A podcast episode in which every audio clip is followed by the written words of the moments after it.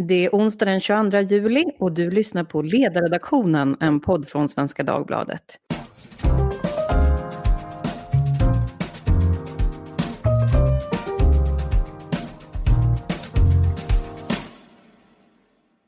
Jag heter Lydia Wåhlsten och idag så ska vi prata om något som de flesta som sysslar med politik är intresserade av, nämligen hur man gör verklighet av sina idéer.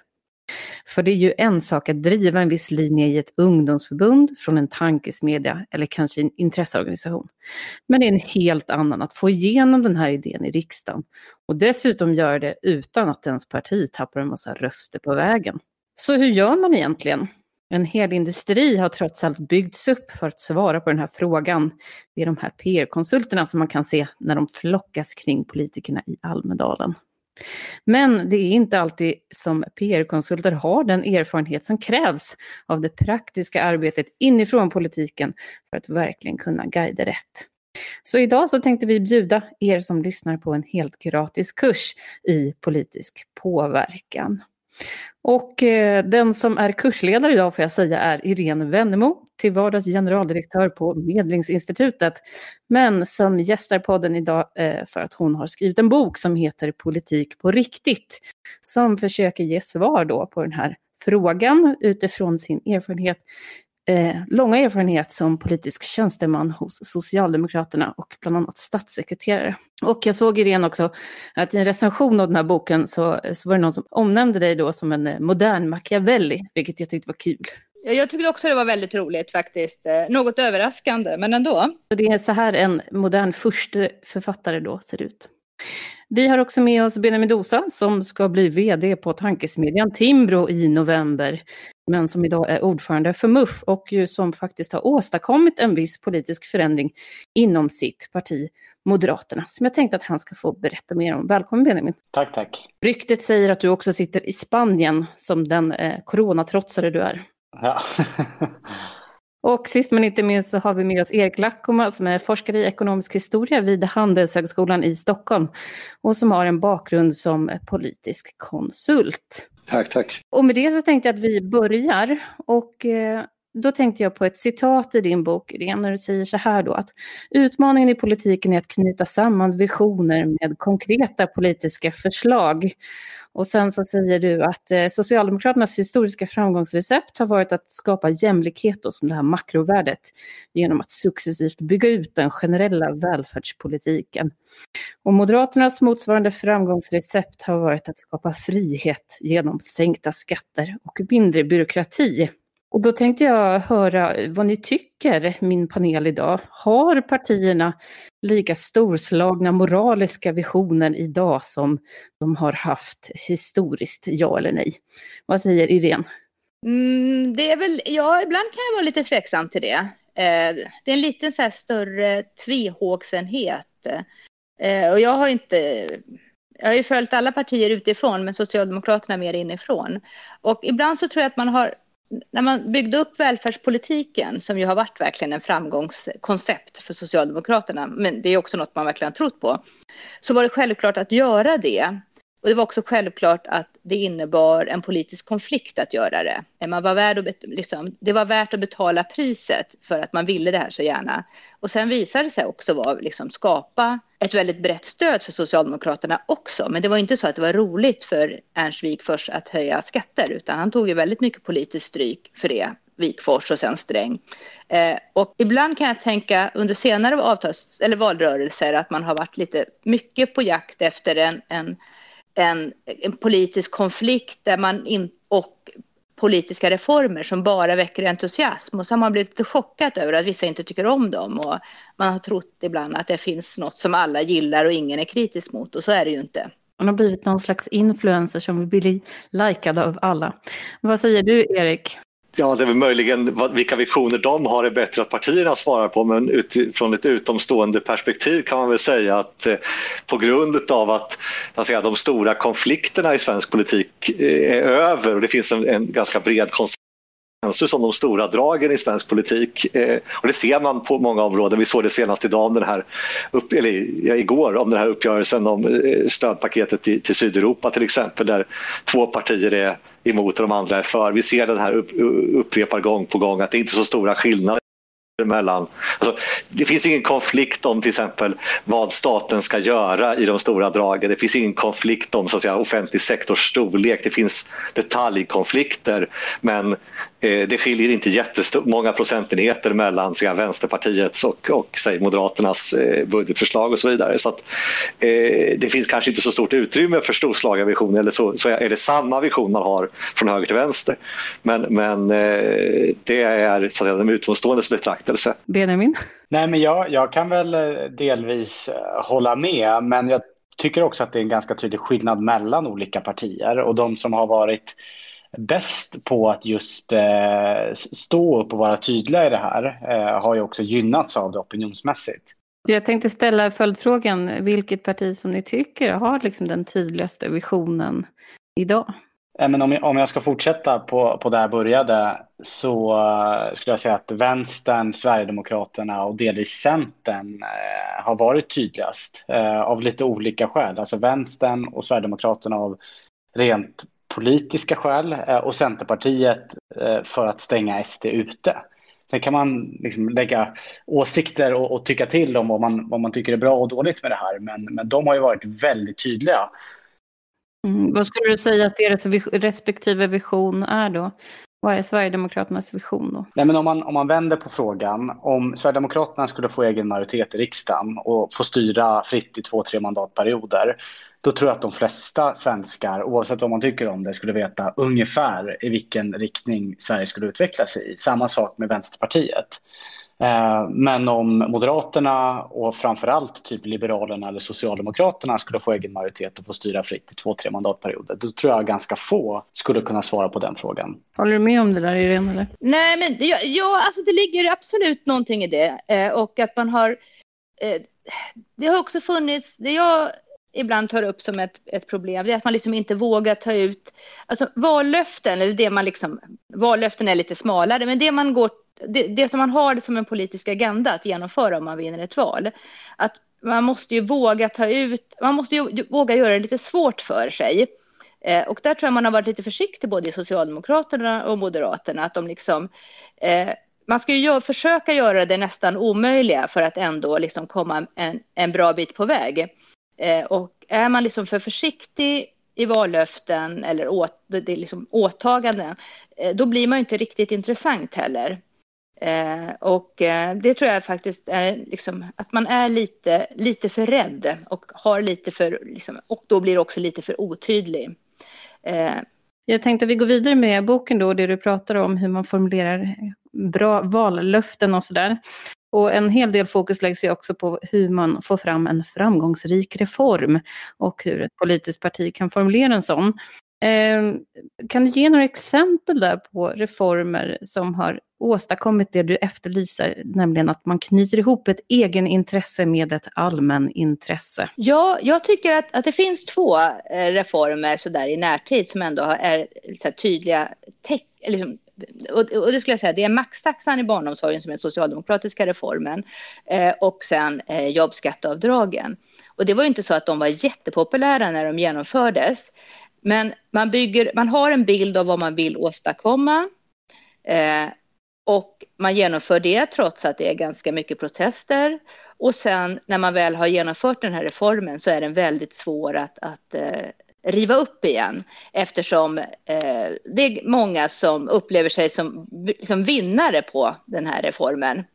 Eh, och eh, bägge två, man kan säga både jobbskatteavdragen och maxtaxan i, i då förskolan hade lite samma ambition, att det skulle liksom bli mer lönsamt eh, att arbeta, eh, att minska utanförskapet och få upp sysselsättningen.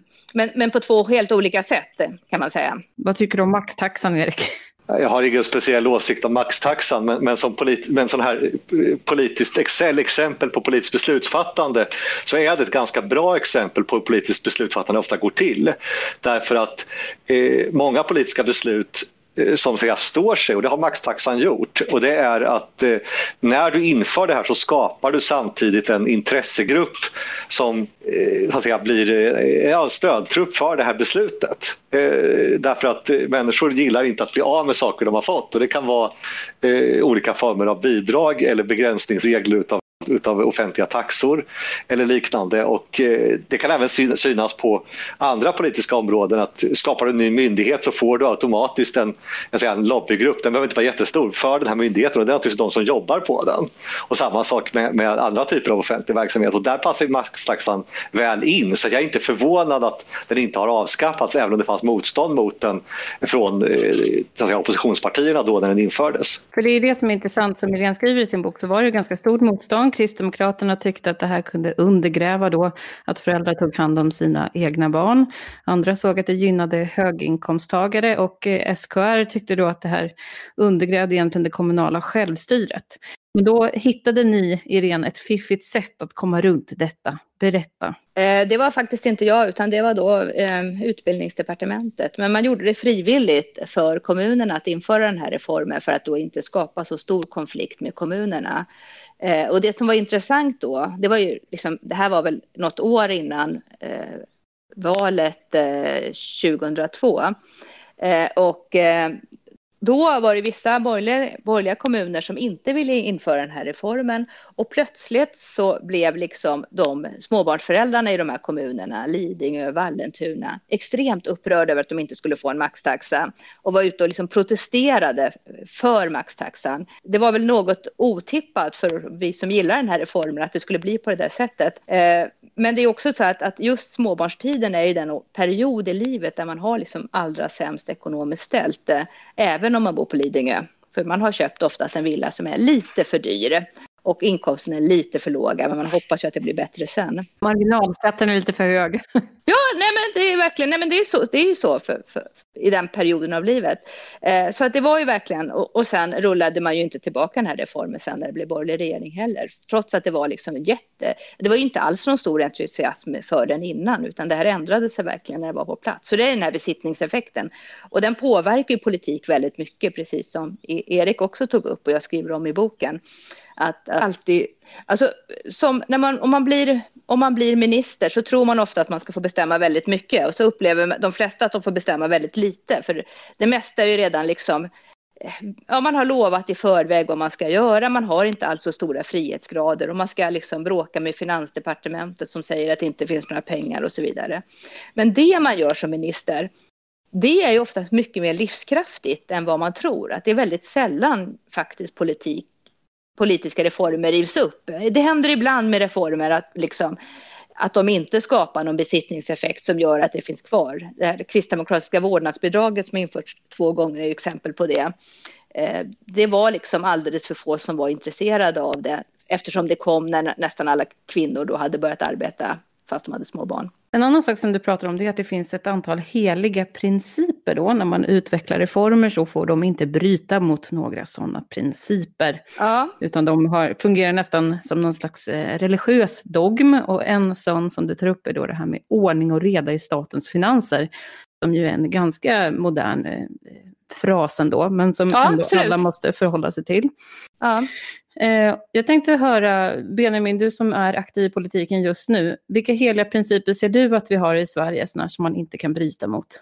Nej, men jag tycker Irene beskriver det väldigt bra i boken med den svenska modellen, alltså hur lönebildningen ska gå till, att politiker ska inte vara där och, och pilla. Eh, offentlighetsprincipen, eh, välfärdsstaten. Eh, jag skulle vilja lägga till eh, som kanske saknas är väl att här, göra rätt för sig, att inte fuska. Eh, både socialdemokratiskt ledda regeringar och borgerliga regeringar har ju från tid till annan liksom försökt stävja fusket i olika typer av bidragssystem.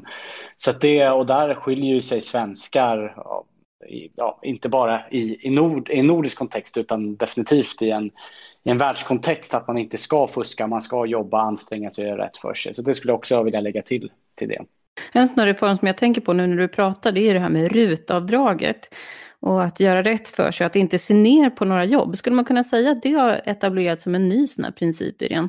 Man får inte se ner på något typ av arbete. Ja, men det ligger faktiskt något i det skulle jag säga. Att det eh, har, det var, visst var det, var det inte Karin Vangård som hade uttryckte sig väldigt förklenande om eh, telefonförsäljare och fick liksom, jag tror det var telefonförsäljare, som att det inte var något riktigt bra jobb och hon fick enormt mycket kritik för det. Så det har verkligen ändrat sig hur man argumenterar kring eh, jobb som man tidigare tyckte man liksom, nej städa skulle man göra själv. Det var ett argument som var nog mot rutavdraget. Eh, och där kan man väl också säga att där har vi också liksom en stark besittningseffekt. Det skulle vara väldigt svårt att riva upp eh, RUT-reformen nu. Det var ju verkligen något som har eh, satt sig fast det var ett väldigt stort. Jag tillhör själv de som har kritiserat rutavdraget. Eh, och eh, det gjorde ju typ hela Socialdemokraterna och nu har man snarare byggt ut den att, att ta bort det liksom.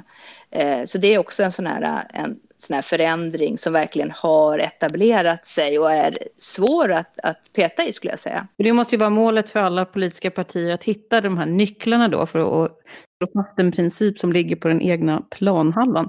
Och jag tänkte höra om ni har några teorier till hur man åstadkommer det där, Erik? Ja, det kan jag, ja jag kan nog svara på det, för att det som är, eh, man brukar leta efter i politiska kampanjer, det här kommer då ursprungligen, för upphovsmannen är okänd, men det nämndes i presidentvalskampanjen 2004 i USA och då myntades ett begrepp som kallas, brukar kallas för snöskoterfrågor.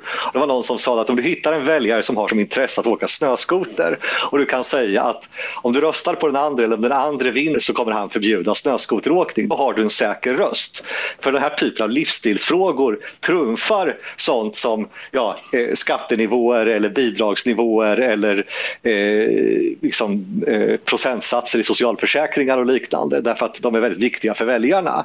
Men även ekonomisk politik kan vara snöskoterfrågor. Jag tror att till exempel det här med rutavdraget för vissa kan vara en sån för, och den kan nog kopplas till eh, de här insikterna från forskningen inom beteendeekonomi om, om förlustaversion. Det vill säga att man ser att på grund av den här eh, att, att utdrag, eh, vet, avdraget finns eh, så kan man leva, säga, ändra sin livsstil på ett, på ett sätt som man uppfattar som positivt som man inte vill bli av med. Då kommer man eh, rösta på partier som vill behålla behålla det här.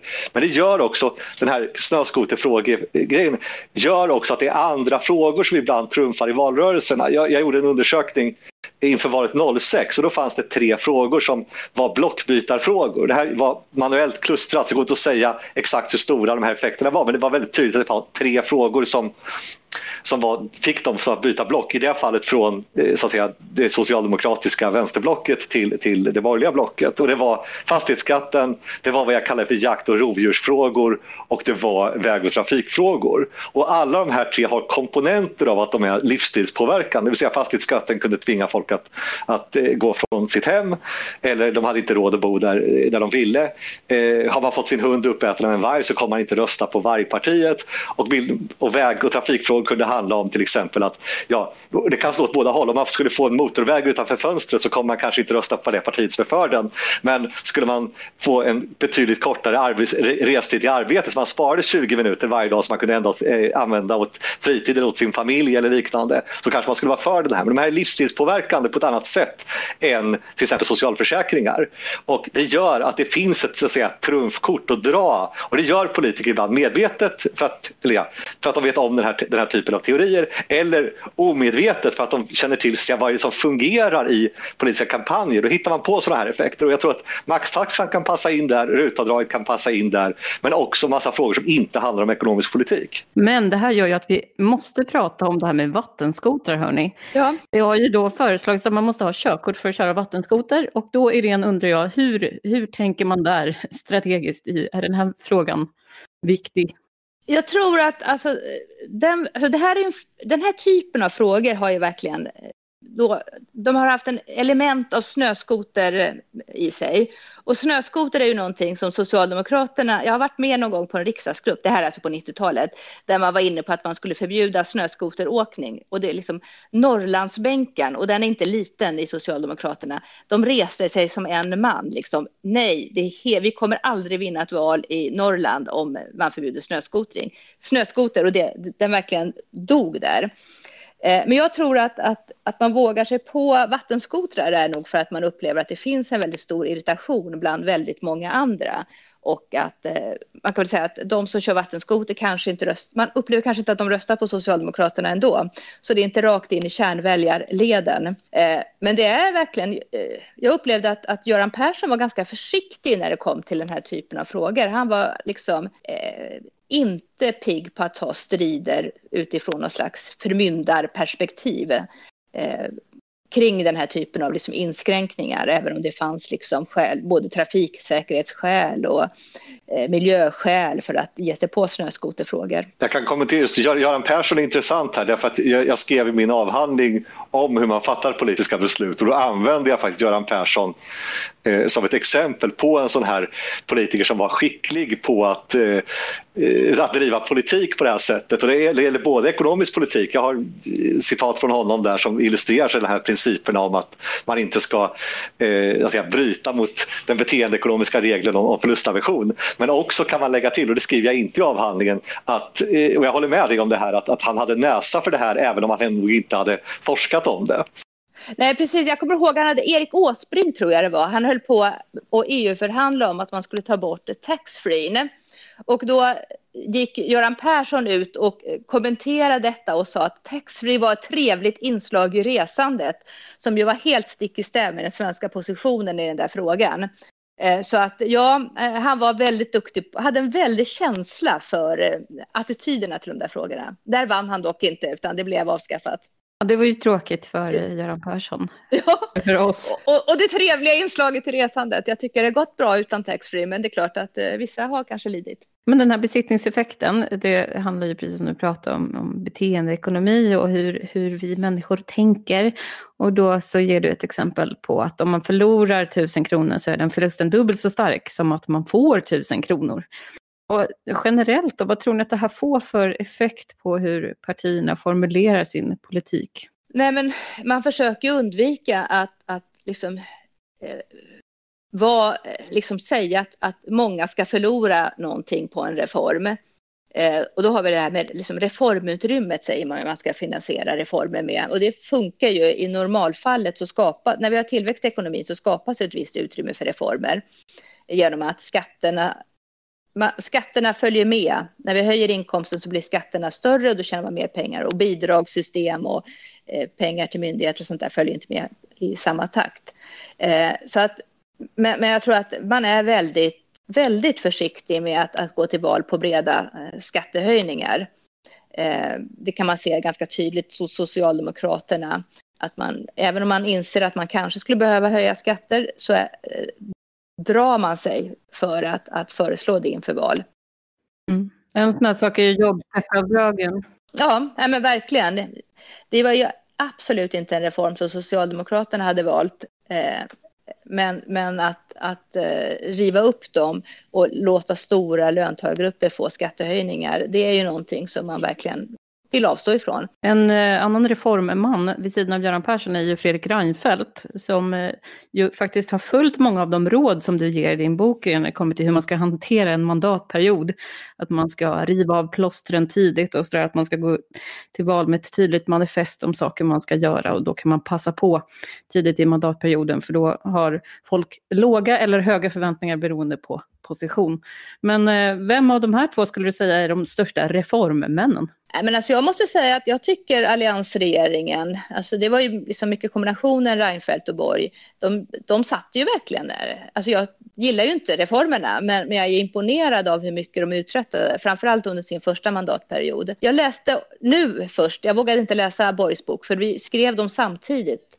Eh, och jag hade redan lämnat min till förlaget när han kom med sin. Så tänkte jag, gud, tänk om vi har helt olika bild av saker och ting. Men det är väldigt, det är slående ändå att de här två böckerna går ganska i takt med varandra kring hur man gör saker. Eh, men de lyckades väldigt mycket under första, alltså uträtta väldigt mycket under första mandatperioden och sen eh, var det mycket sämre. De hade inte alls samma agenda på andra mandatperioden. Och det betyder inte att de inget gjorde eller så, för man har alltid fullt upp i en regering. Men har man inte liksom ta, har man inte en tydlig styråra för verksamheten så blir det liksom, eh, ja, det, man, man kommer inte alls lika långt skulle jag säga. Benjamin, hur ser du på januariavtalet i det här perspektivet? Nej, men det, det, det är klart att det som blir väldigt tydligt eh, i och med framförallt i, i koppling till, till boken är ju vilket enormt underläge man har när man själv inte sitter på regeringskansliet, man har inte tjänstemän, man har inte den dagliga kontakten med, med hela apparaten. Man är inte den som kanske skriver själv skriver direktiven till utredningen. Man kan inte ha avstämningar med utredaren om hur det går, i vilken färdriktning och sånt där. Och därför tycker jag, alltså, även om jag inte menar, jag, jag, tycker inte att Centern och Liberalerna borde ha ingått i januariavtalet, men om man nu tycker det så tycker jag ju att L har gjort ett begåvat eh, val att ha tjänstemän på regeringskansliet för att liksom bevaka sina intressen. Mm. Vad säger ni andra om det där? Ja, nej, men jag håller med. Och egentligen är det, alltså det är en hopp... Jag satt ju då när vi samarbetade med Vänsterpartiet eh, och det var också de var utanför och så hade vi liksom... Det blir först blir det liksom förhandlingar inom regeringen och det är ju en väldigt så här liksom, ja, men väl fungerande men, men omständig process för att ta fram regeringsbeslut och sen ska man förhandla med ett parti utanför regeringen och nu två partier. Och vänstern gick det ändå ganska smärtfritt med skulle jag säga. Eh, det de ville var ju sånt som ofta Socialdemokraterna absolut kunde leva med.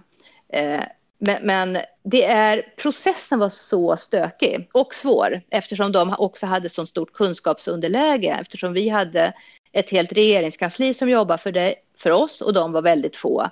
Och då fastnar frågor, det tar lång tid och man har ofta bråttom i regeringen om man ska hinna med det man ska göra på, på en mandatperiod. Och nu är det ju ännu mer bråttom och det är ännu svårare frågor och eh, januariavtalet har ju liksom en mängd en mängd punkter där är jättesvåra att genomföra eh, och jättesvåra att genomföra om man sitter utanför regeringskansliet. Så det här är verkligen, man har byggt, ja, jag, jag kan inte säga att jag är oskyldig till varandra, alltså så här, jag var också lite inblandad i, i, jag förhandlade inte men jag var med i alla fall och, och petade lite i det där. Men det betyder ju inte att eh, man vill ju väldigt gärna bli överens och man, man skapar en del processer som är jättesvåra att hantera skulle jag säga. Det låter här redan som att mellan raderna säger att du har lurat brallan av januaripartierna. Nej, nej absolut inte. Jag, jag, nej, men jag, jag ville väl väldigt gärna att det skulle gå i mål. Men, men, det är klart att, att det här med Arbetsförmedlingen, det är ju, det är ju jättesvårt så. Och det kunde man ju faktiskt, det, det gick ju att se, i alla fall om man liksom hade hållit på med de här frågorna tidigare, att det här var väldigt svårt. Så att eh, jag försöker inte jag kan inte liksom så här att eh, jag förstår varför, varför det blev som det blev. Eh, och det fanns ju liksom en mängd skäl. Man ville ju verkligen liksom komma ut ur det här, ur det här läget. Och det här, jag tror att det hade varit lättare om, om Centern och Liberalerna hade liksom klivit hela vägen in i regeringen. Då, det skulle vara lättare att eh, det, det, hade varit jätte, jättesvårt att hantera alla dessa punkter då också, men det är ännu svårare utanför. Och jag tycker ändå att, att Liberalerna har tagit ett steg i, i liksom rätt riktning för att, att komma in mer i processerna. Eh, men det är svårt. Vi får väl se om de rör sig ditåt.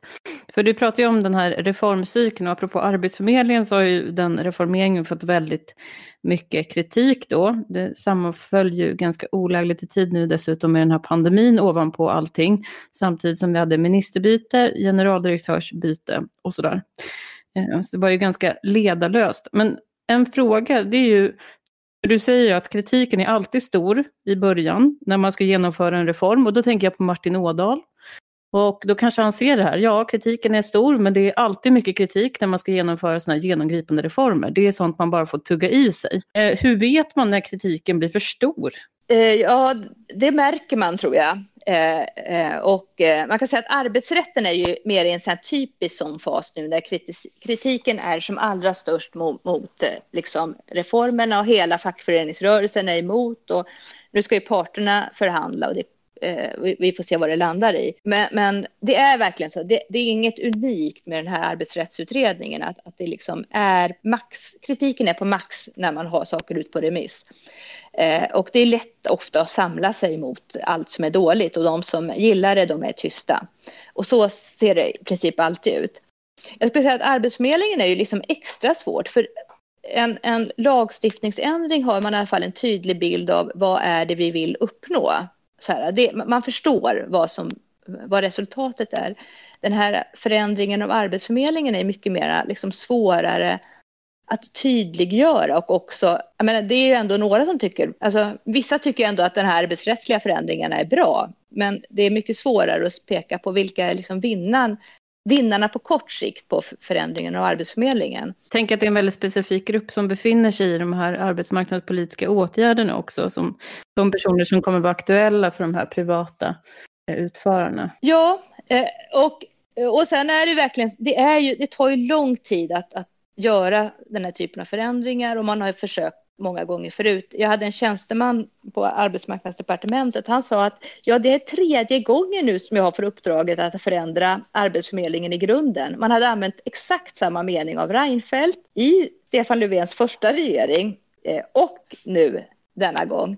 Eh, så att, eh, men att göra dessa förändringar, det är ju en helt annan sak. Det är liksom människor som ska ja, men det är, det är väldigt mycket som ska på plats helt enkelt. Så det är svårt. Det är ju en gigantisk myndighet. Jag tror väl att de har eh, 13 000 vill jag säga i huvudet, men det kanske är ännu mer anställda. Eh, Erik, hur förklarar du det här med Arbetsförmedlingen? För det finns ju ingen myndighet som har lägre förtroende än just Arbetsförmedlingen. Det borde kunna gå att eh, skaka om där på något sätt. Jag skulle tänkte börja i en annan ände för att kommentera just den här. Det finns empiri kring de här frågorna. Dels så kan jag väl säga det att jag har forskat om, om det här med hur väljare reagerar på, på skattehöjningar. Och så länge de får mer i plånboken jämfört med tidigare år så har en studie från 2008 visat att det kostar inte kommunpolitiker väljarstöd men går man över så att de får mindre i plånboken än föregående år så tappar man i snitt som styrande koalition 2,5 procent. Så det finns alltså empiri som backar upp det som, som Irene Wennemo sa tidigare. Det andra som är däremot empirin går åt andra hållet det är ju det här med när man märker att det håller, att säga, hur långt det har gått. Och där tycks politiker reagera mycket senare än vad man kan förvänta sig och det gör att också de svänger ofta på en gång. Och det har vi sett gång efter annan i stora politiska frågor som alltså allmänheten diskuterar och är väldigt missnöjda men politikerna har en annan uppfattning och sen så svänger alla partier mer eller mindre eh, på en femöring och lägger om kursen nästan 180 grader. Det andra som är värt att titta på utifrån forskningen det är att eh, det tycks inte vara så att eh, politiker ser varthän det barkar förrän det ofta är för sent. Där liksom väljarna har rört sig väldigt långt bort, politikerna har rört sig väldigt långt bort från väljarna. Och sen när politikerna upptäcker det så svänger de allihopa, eh, liksom alla partier, eh, mer eller mindre samtidigt. Och det har vi sett gång efter annan i flera stora politiska frågor. Och det tyder snarare på att man inte ser det här i tid. Och det kan också förklaras med det inom forskning man brukar kalla för kaskader. Så att, eh, det finns det stöd för. När det, gäller den, när det gäller den specifika frågan om arbetsförmedling Arbetsförmedlingen så skulle väl min huvudhypotes vara att det är en fråga som ett, inte speciellt många som inte jobbar på Arbetsförmedlingen bryr sig om. Eh, jag tror inte det finns någon som, ja, möjligen någon som jobbar på Centerpartiet som skulle rösta på ett parti för att eh, det blir en annan inriktning på, på Arbetsförmedlingen. Eh, så eh, det gör väl att den inte ses speciellt, speciellt viktig och det finns inga väljare att vinna på det och det har väl politikerna också insett. Men hur är det möjligt då att eh, partierna kan befinna sig så långt från väljarna? Givet att vi nu för tiden kan ha väldigt bra koll på vad väljarna tycker. Och vi har också en motsatt kritik då mot att vi har, alla tycker likadant. Jo, och det, det, den, den forskningen, dels så, det man brukar ta upp det här inom kaskader, är att man, man, en kaskad är att du får en, en uppfattning som sprids för att du, du förstärker den genom att söka information i alltså, kretsarna omkring dig. Och rör du dig i politiska sfären i Sverige så pratar du med andra politiker, eh, andra höga tjänstemän, personer i media och liknande. Och de har inte alltid samma uppfattning som väljarna i vissa frågor. I vissa frågor så är de här diskrepanserna väldigt stora och välkända. Till exempel synen på EU, eh, alltså vilka straff vi ska ha för, för, för grova våldsbrott, eh, synen på invandring till exempel är sådana som brukar tas upp som exempel. Eh, och då, där så brukar väl politikerna förklara det här med att väljarna har fel.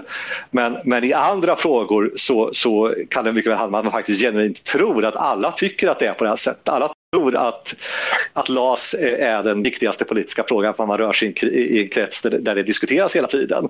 Eller reformen av Arbetsförmedlingen eller eh, rutavdraget eller vad det nu kan tänkas vara. Och man genuint har den uppfattningen att det här är den centrala frågan för alla som betyder någonting och då måste det vara det eh, även eh, bland det stora väljarflertalet. Det kanske inte stämmer. Och då får man de här diskrepanserna. Då brukar en demokrati rätta till sig efter ett tag. Men det kan, gå, det kan innebära ganska stora konvulsioner och partier kan hamna väldigt snett. Det finns eh, historiska exempel på det här eh, där partier i praktiken har gått från majoritet till att åka ur parlamentet. Det hände i, i Kanada till exempel i början av 90-talet då det, det konservativa partiet efter ett misslyckat skatteförslag eh, hade egen majoritet. Nu har de majoritetsval där så att det är lättare att tappa den. Eh, från egen majoritet till att de tror jag fick ett eller två mandat i parlamentet och partiet dog och sen har de startat ett nytt konservativt parti i Kanada. Så att, eh, och det här var ju uppenbart, det hade ju inte hänt om man hade koll på vad väljarna tyckte om deras skattepolitik. Vi måste gå vidare och då ska vi prata om vad som är ett bra vallöfte som Irene ägnar eh, ganska mycket av sin bok av och eh, sågar väl många av de vallöften som vi har sett, bland annat då sifferlöften luften till exempel 100 000 fler poliser. För att eh, då blir det väldigt sällan debatt, är hypotesen. Ett annat löfte som klassas som dåligt, det är när man eh, säger att man vill ha hårdare tag, för det resulterar oftast bara i en kapplöpning mellan partierna. Och man vill ju inte bara ha en kapplöpning, utan man vill ju ha en konflikt. Eh, en intressant sak är också att du skriver att internationell forskning visar att vallöften vanligtvis uppfylls. Ja, det tror man inte. Men Irene, ja, vad är ett bra vallöfte? Alltså det här, man, man, man tycker olika helt enkelt. Så att, eh, men men jag, jag gillar ju eh, eh, vallöften som är riktiga reformer som verkligen liksom påverkar framtiden. Eh, som, ofta, som ofta skapar en konflikt och kan vara ganska besvärlig att genomföra men som gör liksom stor skillnad eh, för framtiden. Jag tycker både rutavdraget och jobbskatteavdraget är ju typiska sådana borgerliga reformer. Eh, välfärdspolitikens framväxt, de olika stegen, är ju socialdemokratiska eh, alternativ på det. Eh, och, eh, men, men det är klart att det här är ju eh, det är inte så att det är jätteenkelt att hitta på. Oftast behöver man ju hitta någonting som folk så det måste finnas ett problem. Och jag kommer ihåg när jag, jag var med där och föreslog maxtaxan eh, i barnomsorgen. Eh, då var det, ingen, det var inte så här att jag tyckte det här var ett problem med de differentierade och jättehöga avgifterna till barnomsorgen. Men det var inte så att det var allmänt, allmänt etablerat att det var ett problem. Och om man hade varit smartare hade man ju försökt liksom mycket mer systematiskt sälja in att detta är ett problem. Och innan man liksom lanserar ett svar på problemet. Så man behöver ha någonting som folk upplever som ett problem och sen ha en lösning på problemet som de flesta i ens eget lag ändå tycker verkar rimlig men som ändå väcker motstånd i andra partier. Men menar du att maxtaxan eh, inte, det upplevdes inte som ett problem att det var olika avgifter i barnomsorg utan det blev ett problem i och med att någon presenterade en, en subvention? Ja, men man löste ett problem som inte riktigt var allmänt erkänt att det var ett problem. Eh, så att eh, det är ju också ett det är bättre om, om problemet är allmänt erkänt innan och att man liksom har. Eh, jag skulle säga att, att jag tycker Jan, Jan Björklund var ganska duktig på att utnyttja någon slags missnöje med den svenska skolan och det här liksom, det som han uttryckte som flumpedagogiken. Eh, som ändå, liksom, där fanns ju ändå ett missnöje med någonting som eh, som man inte tyckte fungerade tillräckligt bra. Och sen var inte alla hans reformer världens bästa svar på det. Men, men eh, en del av dem har ju absolut eh, påverkat i den riktning han ville, skulle jag vilja säga. Benjamin, kan du på rak arm dra några vallöften som Moderaterna har haft? Nu senaste valet eller? Ja, eller valet innan när det var så väldigt luddigt. ja, det, det blir nog svårare att hitta något från 2014. Det var väl höghastighetståg som vi sen svängde om och nu är emot. Men senaste valet var det väl mycket fokus på ja, men integrationsfrågorna, bidragstak, krav på motprestation för att få socialbidrag och så. Jag skulle, liksom, för att bygga ut det Irene eh, tog upp också, Alltså det är ju eh, här, politikens syre är ju konflikt och friktion. Om ingen är emot så, så får du inte traction, så får du inte ett surr, ett intresse som skapas kring det. Eh, så att, och ju större problem det är, alltså kopplat till säg, sjukvården, integration, desto, desto mer du kommer ner till köksbordet, desto mer spridning kan du ju få för, för just den här konflikten. Men ett viktigt, här, när jag sitter och funderar på vad borde Moderaterna gå till val på så måste man ju också fundera på men vem är motstånden till det här? Någon måste vara emot för att det här ska vara fortsatt intressant också. Men delar du till exempel den här synen på att ett vallöfte om hårdare tag eller straff, att det inte är så fruktbart just av den här anledningen, att det Eh, Morgan Johansson kommer att komma efter och Mikael Damberg. Eh, hur långt Moderaterna än går så är det väldigt billigt att följa efter där. Ja, jag skulle väl inte riktigt hålla med om det för att eh, framförallt inte när regeringen har suttit. Alltså det är svårare att driva igenom den typen av förslag när man själv sitter i regering för att då blir det så här, men varför har ni inte gjort det här då? Men nu kan ju, nu skulle till exempel de borgerliga oppositionspartierna kunna eh, formera sig i en konflikt om till exempel hårdare straff med så här, ja men om Morgan Johansson då säger, nej men vi, vi, vi liksom överbudar Moderaterna varje gång. Så blir det, så blir det motargumentet, ja men nu har ni ju ja, till nästa val då suttit i åtta år, varför har ni inte redan genomfört det här? Ja, det finns ju vallöften som alltså, passar sig enbart för opposition, får man säga.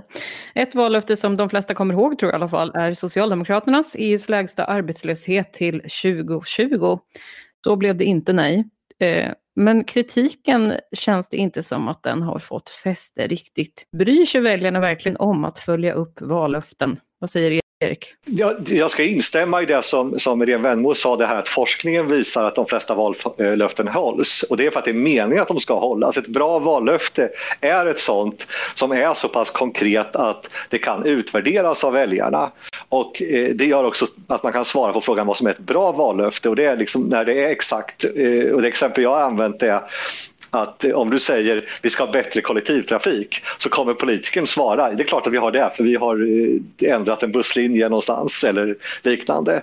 Eh, väljarna kanske inte håller med om att det här är en förbättring, det kan lika vara en försämring men säger man att ja, vinner vi valet så kommer vi att eh, öka busstrafiken mellan eh, mellan Bandhagen och, och Gullmarsplan då kan alla se, har det här skett eller inte? Och då även rösta på någon annan nästa gång det här inte levereras. Så ett, ett, ett, bra vallöfte är, är konkret och kan följas upp av väljarna. Därför att väljarna tenderar inte att bry sig om vallöften som inte kan, kan utvärderas. Och det här med, sen ska de ha någon slags betydelse för väljaren också. Det här med att Eh, vilken arbetslöshet Sverige har i förhållande till EU-länder. En typisk sån fråga som jag tror att väldigt få väljare överhuvudtaget röstar på ett annat parti om. Det är någon slags indikation på eh, vilken inriktning, eh, vad politikerna vill prata om.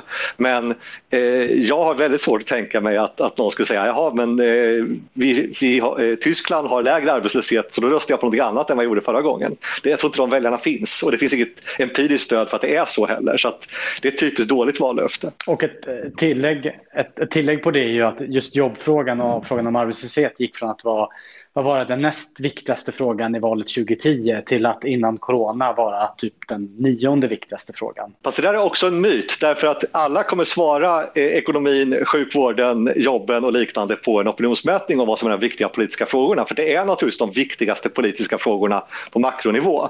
Men för den enskilde väljaren så röstar man inte på eh, jobben eller ekonomin utan man, jobb, man när det handlar om säga, konkreta exempel där det finns skillnader mellan partier. Då tittar man, och därför de här snöskoterfrågorna är så pass intressanta. De kan beröra de här frågorna, det vill säga eh, kommer jag behålla mitt jobb? Eh, kommer jag, mina möjligheter att bo kvar på den här orten eh, och ha ett arbete här eller kunna ha en bostad som jag har råd med. Sådana saker spelar roll.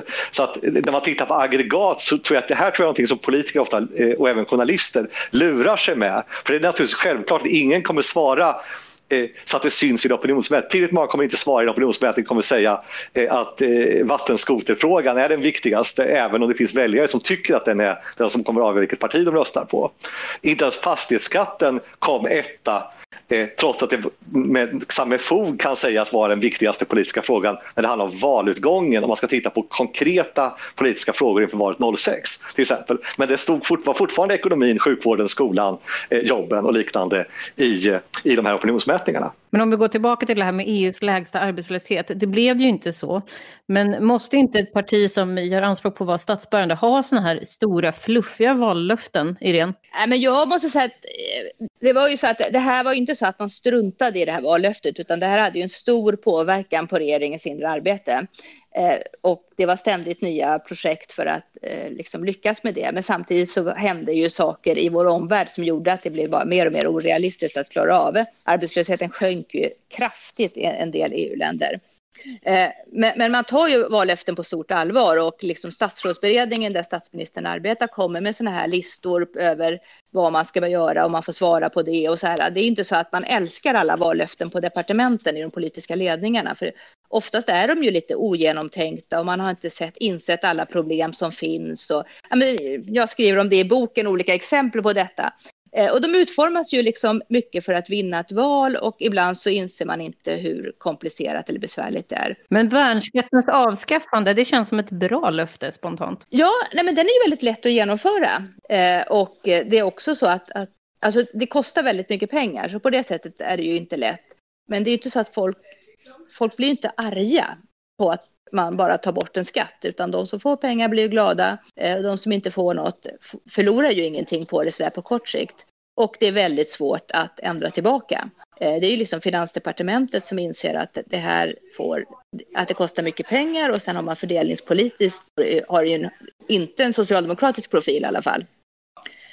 Men det var ju liksom en stor seger skulle jag säga för Liberalerna att få igenom detta och det här var ju något som där de verkligen liksom Eh, snabbt kunde få ett stort genomslag om man jämför med liksom, reformera Arbetsförmedlingen som är ett mycket mer tröstlöst och svårt uppdrag med inte en sån tydlig målgrupp. Men inom Liberalerna så pratar man ju om att värnskattens avskaffande, att det var ganska perifert också. Men man kanske kommer se då i efterhand att det här var någon, någonting som faktiskt var en stor framgång.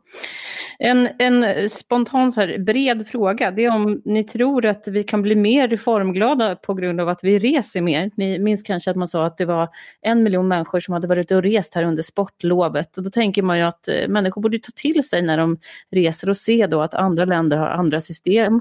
Till exempel för alkoholförsäljning, en sån här konkret sak. Men även för mer abstrakta saker som till exempel sjukvård. Påverkar resandet på något sätt eller är det här nationella fokuset helt orubbligt? Benjamin? Nej, men inte bara resandet. Alltså att man har kompisar, att man chattar, att man, eh, ja min generation spelar datorspel med sydkoreaner och, och amerikaner.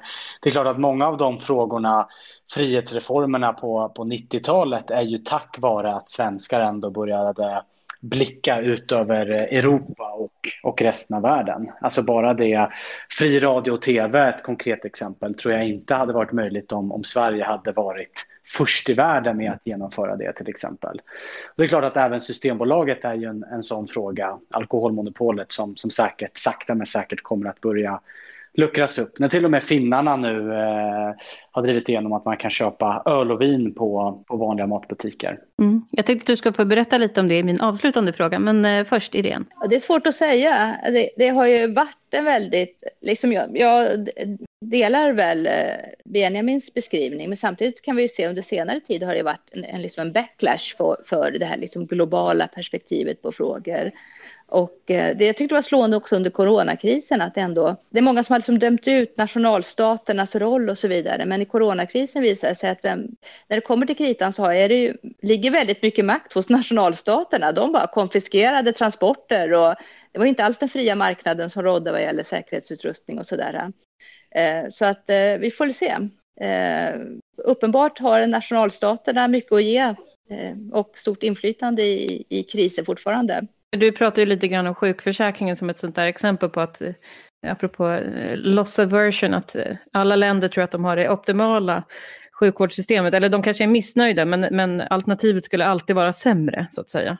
Ja, men det är verkligen intressant och, och det tror jag också är att, att jag tror ändå att, att vi, många blickar kommer riktas mot Tysklands sjukförsäkringssystem. Eh, det har ju puttrat på och haft, eh, vi har ju ofta tittat på, jag har hållit på mycket med sjukförsäkringen, utrett den och så. Och vi har tittat på den med lite eh, förakt och hånat lite konstiga egenheter de har i sitt sjukförsäkringssystem. Och jag tror att nu måste vi faktiskt titta på det med lite nya färska ögon, för de har ju varit imponerande på att ändå hålla ner både smittbekämpning och dödlighet i, i Tyskland. Det verkar vara en väldig apparat som fungerar bra faktiskt i just den här pandemin. Ja, men faktiskt utan, utan att vara groteskt typ dyr på något sätt. Eh, jag tror att det kommer vara mycket studieresor och titta på tysk eh, sjukvård. Eh, sjuk, eller tyska sjukförsäkringssystemet de kommande åren skickar vi med det här då till bland annat Svenskt Näringsliv som brukar göra sådana här resor. Tidigare har det varit arbetsmarknaden, de här minijobs, men nu kan man alltså åka och titta på sjukvård också. Erik, tror du att resandet påverkar, alltså den här, i statsvetenskapen brukar man väl prata om isomorfism eller att det liksom smittar då eh, olika reformer mellan regioner? Alltså det jag tror har störst betydelse för säga, vilka politiska beslut som kan fattas i ett enskilt land är ju vilken utsträckning man kan kan hävda att förändringar skulle leda till, till liksom katastrof och samhällets undergång. Och det har man ju hört väldigt många, i väldigt många frågor att det är beskrivet så, men det blir väldigt svårt om människor har varit i ett annat land och sett att det faktiskt inte är så. Man eh, kunde åka till Danmark och se att de klarar sig utmärkt utan att ha ett apoteksmonopol så blir det naturligtvis mycket svårare att hävda att samhället skulle gå under om vi inte behöll det i Sverige. Exempel med radio och tv som nämndes ett annat sånt. Folk har varit utomlands, det har funnits flera kanaler och de har sett att samhällets fundament vilar inte på att Radiotjänst bestämmer vad vi ska titta på. Eh, samma sak, det här med sjukvården är också intressant. Jag tror att människor har varit i andra länder och sett att ja, det går att få sjukvård i Nederländerna också fast de inte har svenska landsting och svenska skattenivåer går kommer att påverka den, den diskussionen. Eh, men det, och det finns många andra exempel eh, där, där det här eh, kommer ske. Men det handlar mest om hur man kan förpacka de här eh, för, förslagen i politiken. Just framförallt eh, att de som är motståndare till dagens system får det lättare att peka på andra exempel som människor känner igen. De vet någon som har varit där.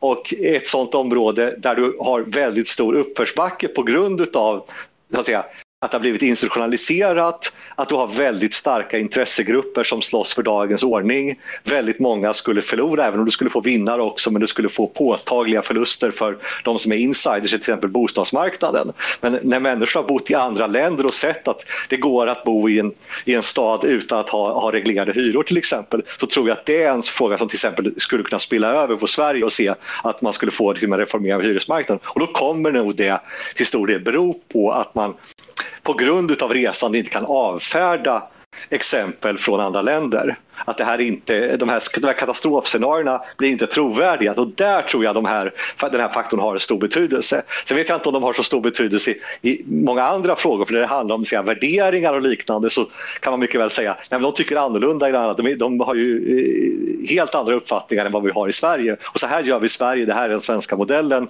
Eller så här tycker vi här. Och då kommer det här inte påverkas utav så länge man kan hävda den här svenska modellen, det har vi väl verkligen sett i coronapandemin nu, att liksom, eh, synen på vår eh, eh, byråkrati, att den är svensk och då ska vi slå vakt om det här med fristående myndigheter och sådär som får arbeta. Men min sista fråga är en egenintressefråga där vi säger att jag har som politiskt mål att avveckla Systembolaget. Eh, Benjamin, du har ju drivit eh, typ den här frågan för MUFs del och fått Moderaterna att svänga om. Eh, genom att vilja tillåta öl och vinförsäljning i alla fall. Eh, hur stora är chanserna för mig att eh, lyckas med den här reformen?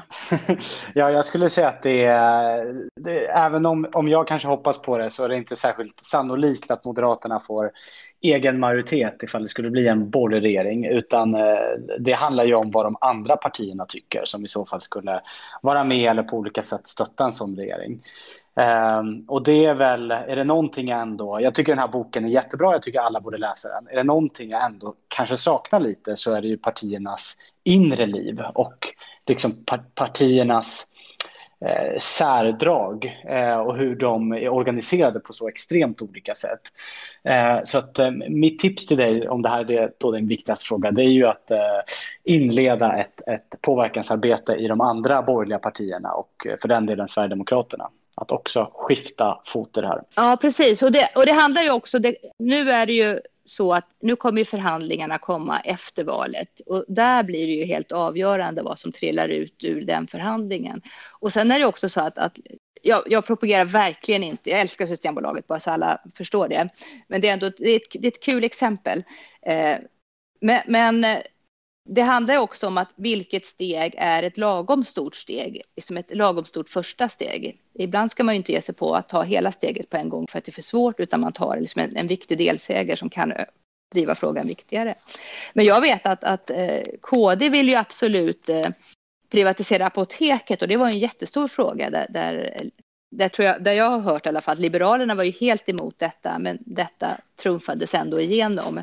Och vad fick Liberalerna istället? Vad kan jag erbjuda Kristdemokraterna för att bli av med Systembolaget? De fick, väl, de fick väl en massa pengar för bevakning och så där skulle jag tro, eller något annat. Eh, så att eh, det är ju köp och sälj i de här frågorna. Jag tänker att en reformering av Systembolaget skulle kunna vara en sån där fråga som med tiden eh, upplevs precis som apoteksavregleringen som ju inte Socialdemokraterna driver en återreglering av nu. Att det skulle vara en sån här fråga som i efterhand upplevs som ganska självklar om man hittade ett, ett bra sätt att eh, ha, fortfarande ha någon slags licenssystem då. Ja, Erik, hur ska jag avreglera Systembolaget? Jag kommer till dig. Du är politisk konsult. Berätta. Ja, alltså det första jag kan säga är att jag håller helt med om att det skulle sannolikt uppfattas när beslutet väl är taget och infört så tror jag att ingen skulle vilja gå tillbaka. Eh, men det visar också på svårigheten med det här att, att eh, det finns många sådana frågor där det fortfarande inte händer någonting. För jag tror att de intressegrupper du måste bearbeta här är ju inte allmänheten. De skulle nog acceptera det här och tycka att det är till och med rätt bra. Eh, utan det handlar om att eh, komma åt motståndsfickorna in, inom politiken och inom Systembolaget. För Systembolaget kommer ju vara en av motståndarna som kommer använda att säga, alla sina resurser för att slåss för sitt existensberättigande och för sitt monopol. Så att det här med att börja i rätt ände kan vara en sak. En sån här sak som kan vara rätt uppenbar här är att eh, rent generellt att Eh, Eh, ta ifrån Systembolaget möjligheten att driva lobbyingverksamhet säga, för, för de pengar de drar in. Eh, en annan sak är naturligtvis att öppna för att, säga, del, eh, att dela upp det här beslutet så att man kan eliminera eh, de här domedagsprofetiorna att vi skulle få ett, ett superi av det slag som beskrivs i böcker från 1800-talet om vi inte hade Systembolaget. Det vill säga som man gjort i Finland att man öppnar för försäljning utav, utav eh, eh, utav öl i butiker eh, eller att man har ett, ett licenssystem där de som är ombud för, för Systembolaget idag också får sälja eller liknande och så att man kan liksom eliminera den här kritiken som då framförallt är inompolitisk för de här katastroferna som skulle kunna dyka upp. Så att man skulle nog fokusera på, på dem eh, snarare än på opinionen. För att visst, även om så att säga, ja, du har en majoritet som tycker att det är helt okej, okay, så är de inte så starka. Det är ingen som skulle byta parti för att behålla Systembolaget. Så det är en ganska svag, eh, jag säga, det är ingen hög intensitet i den här uppfattningen. Och de som inte gillar Systembolaget finns det alternativ för. Att man kan köpa alkohol utomlands eller, eller liknande. Så att Eh, jag skulle fokusera på det. Sen finns det en faktor till här som inte har nämnts som jag tror är ganska intressant och det är möjligheten att, att, att kohandla i politiken. Eh, att, eh, därför att just på grund, om det är en fråga där, som är så säga, irreversibel, det vill säga när beslutet väl har fattats så kommer ingen vilja ha tillbaka det. Då kan det vara väldigt effektivt att... Att ge en engångssumma. Ja, till, till någon som för att gå med på det, till, till Liberalerna eller vilka det är som kan tänkas eh, sätta sig emot det här och säga men ni får det här istället. Eh, och eh, nästa val så kommer det här inte vara en fråga därför att ingen kommer driva Systembolagets återinförande. Det kan vi väl eh, sammanfatta då att det också behövs politiska entreprenörer i politiken som då tycker att sådana här frågor är viktiga trots att det inte är någon helt uppenbar opinion som är för det utan just för att man tycker att det är rätt. Så får vi in lite ideologi här innan vi avslutar också. Hörni, jag måste säga tack för idag. Eh, till Irene Wannemo, författare till boken Politik på riktigt, Benjamin Dosa, tillträdande vd på Timbro och idag MUF-ordförande. Och Erik Lackoma, forskare vid Handelshögskolan i Stockholm. Har ni frågor eller funderingar hör ni som vanligt av er på ledarsidan svd.se. Tack för idag!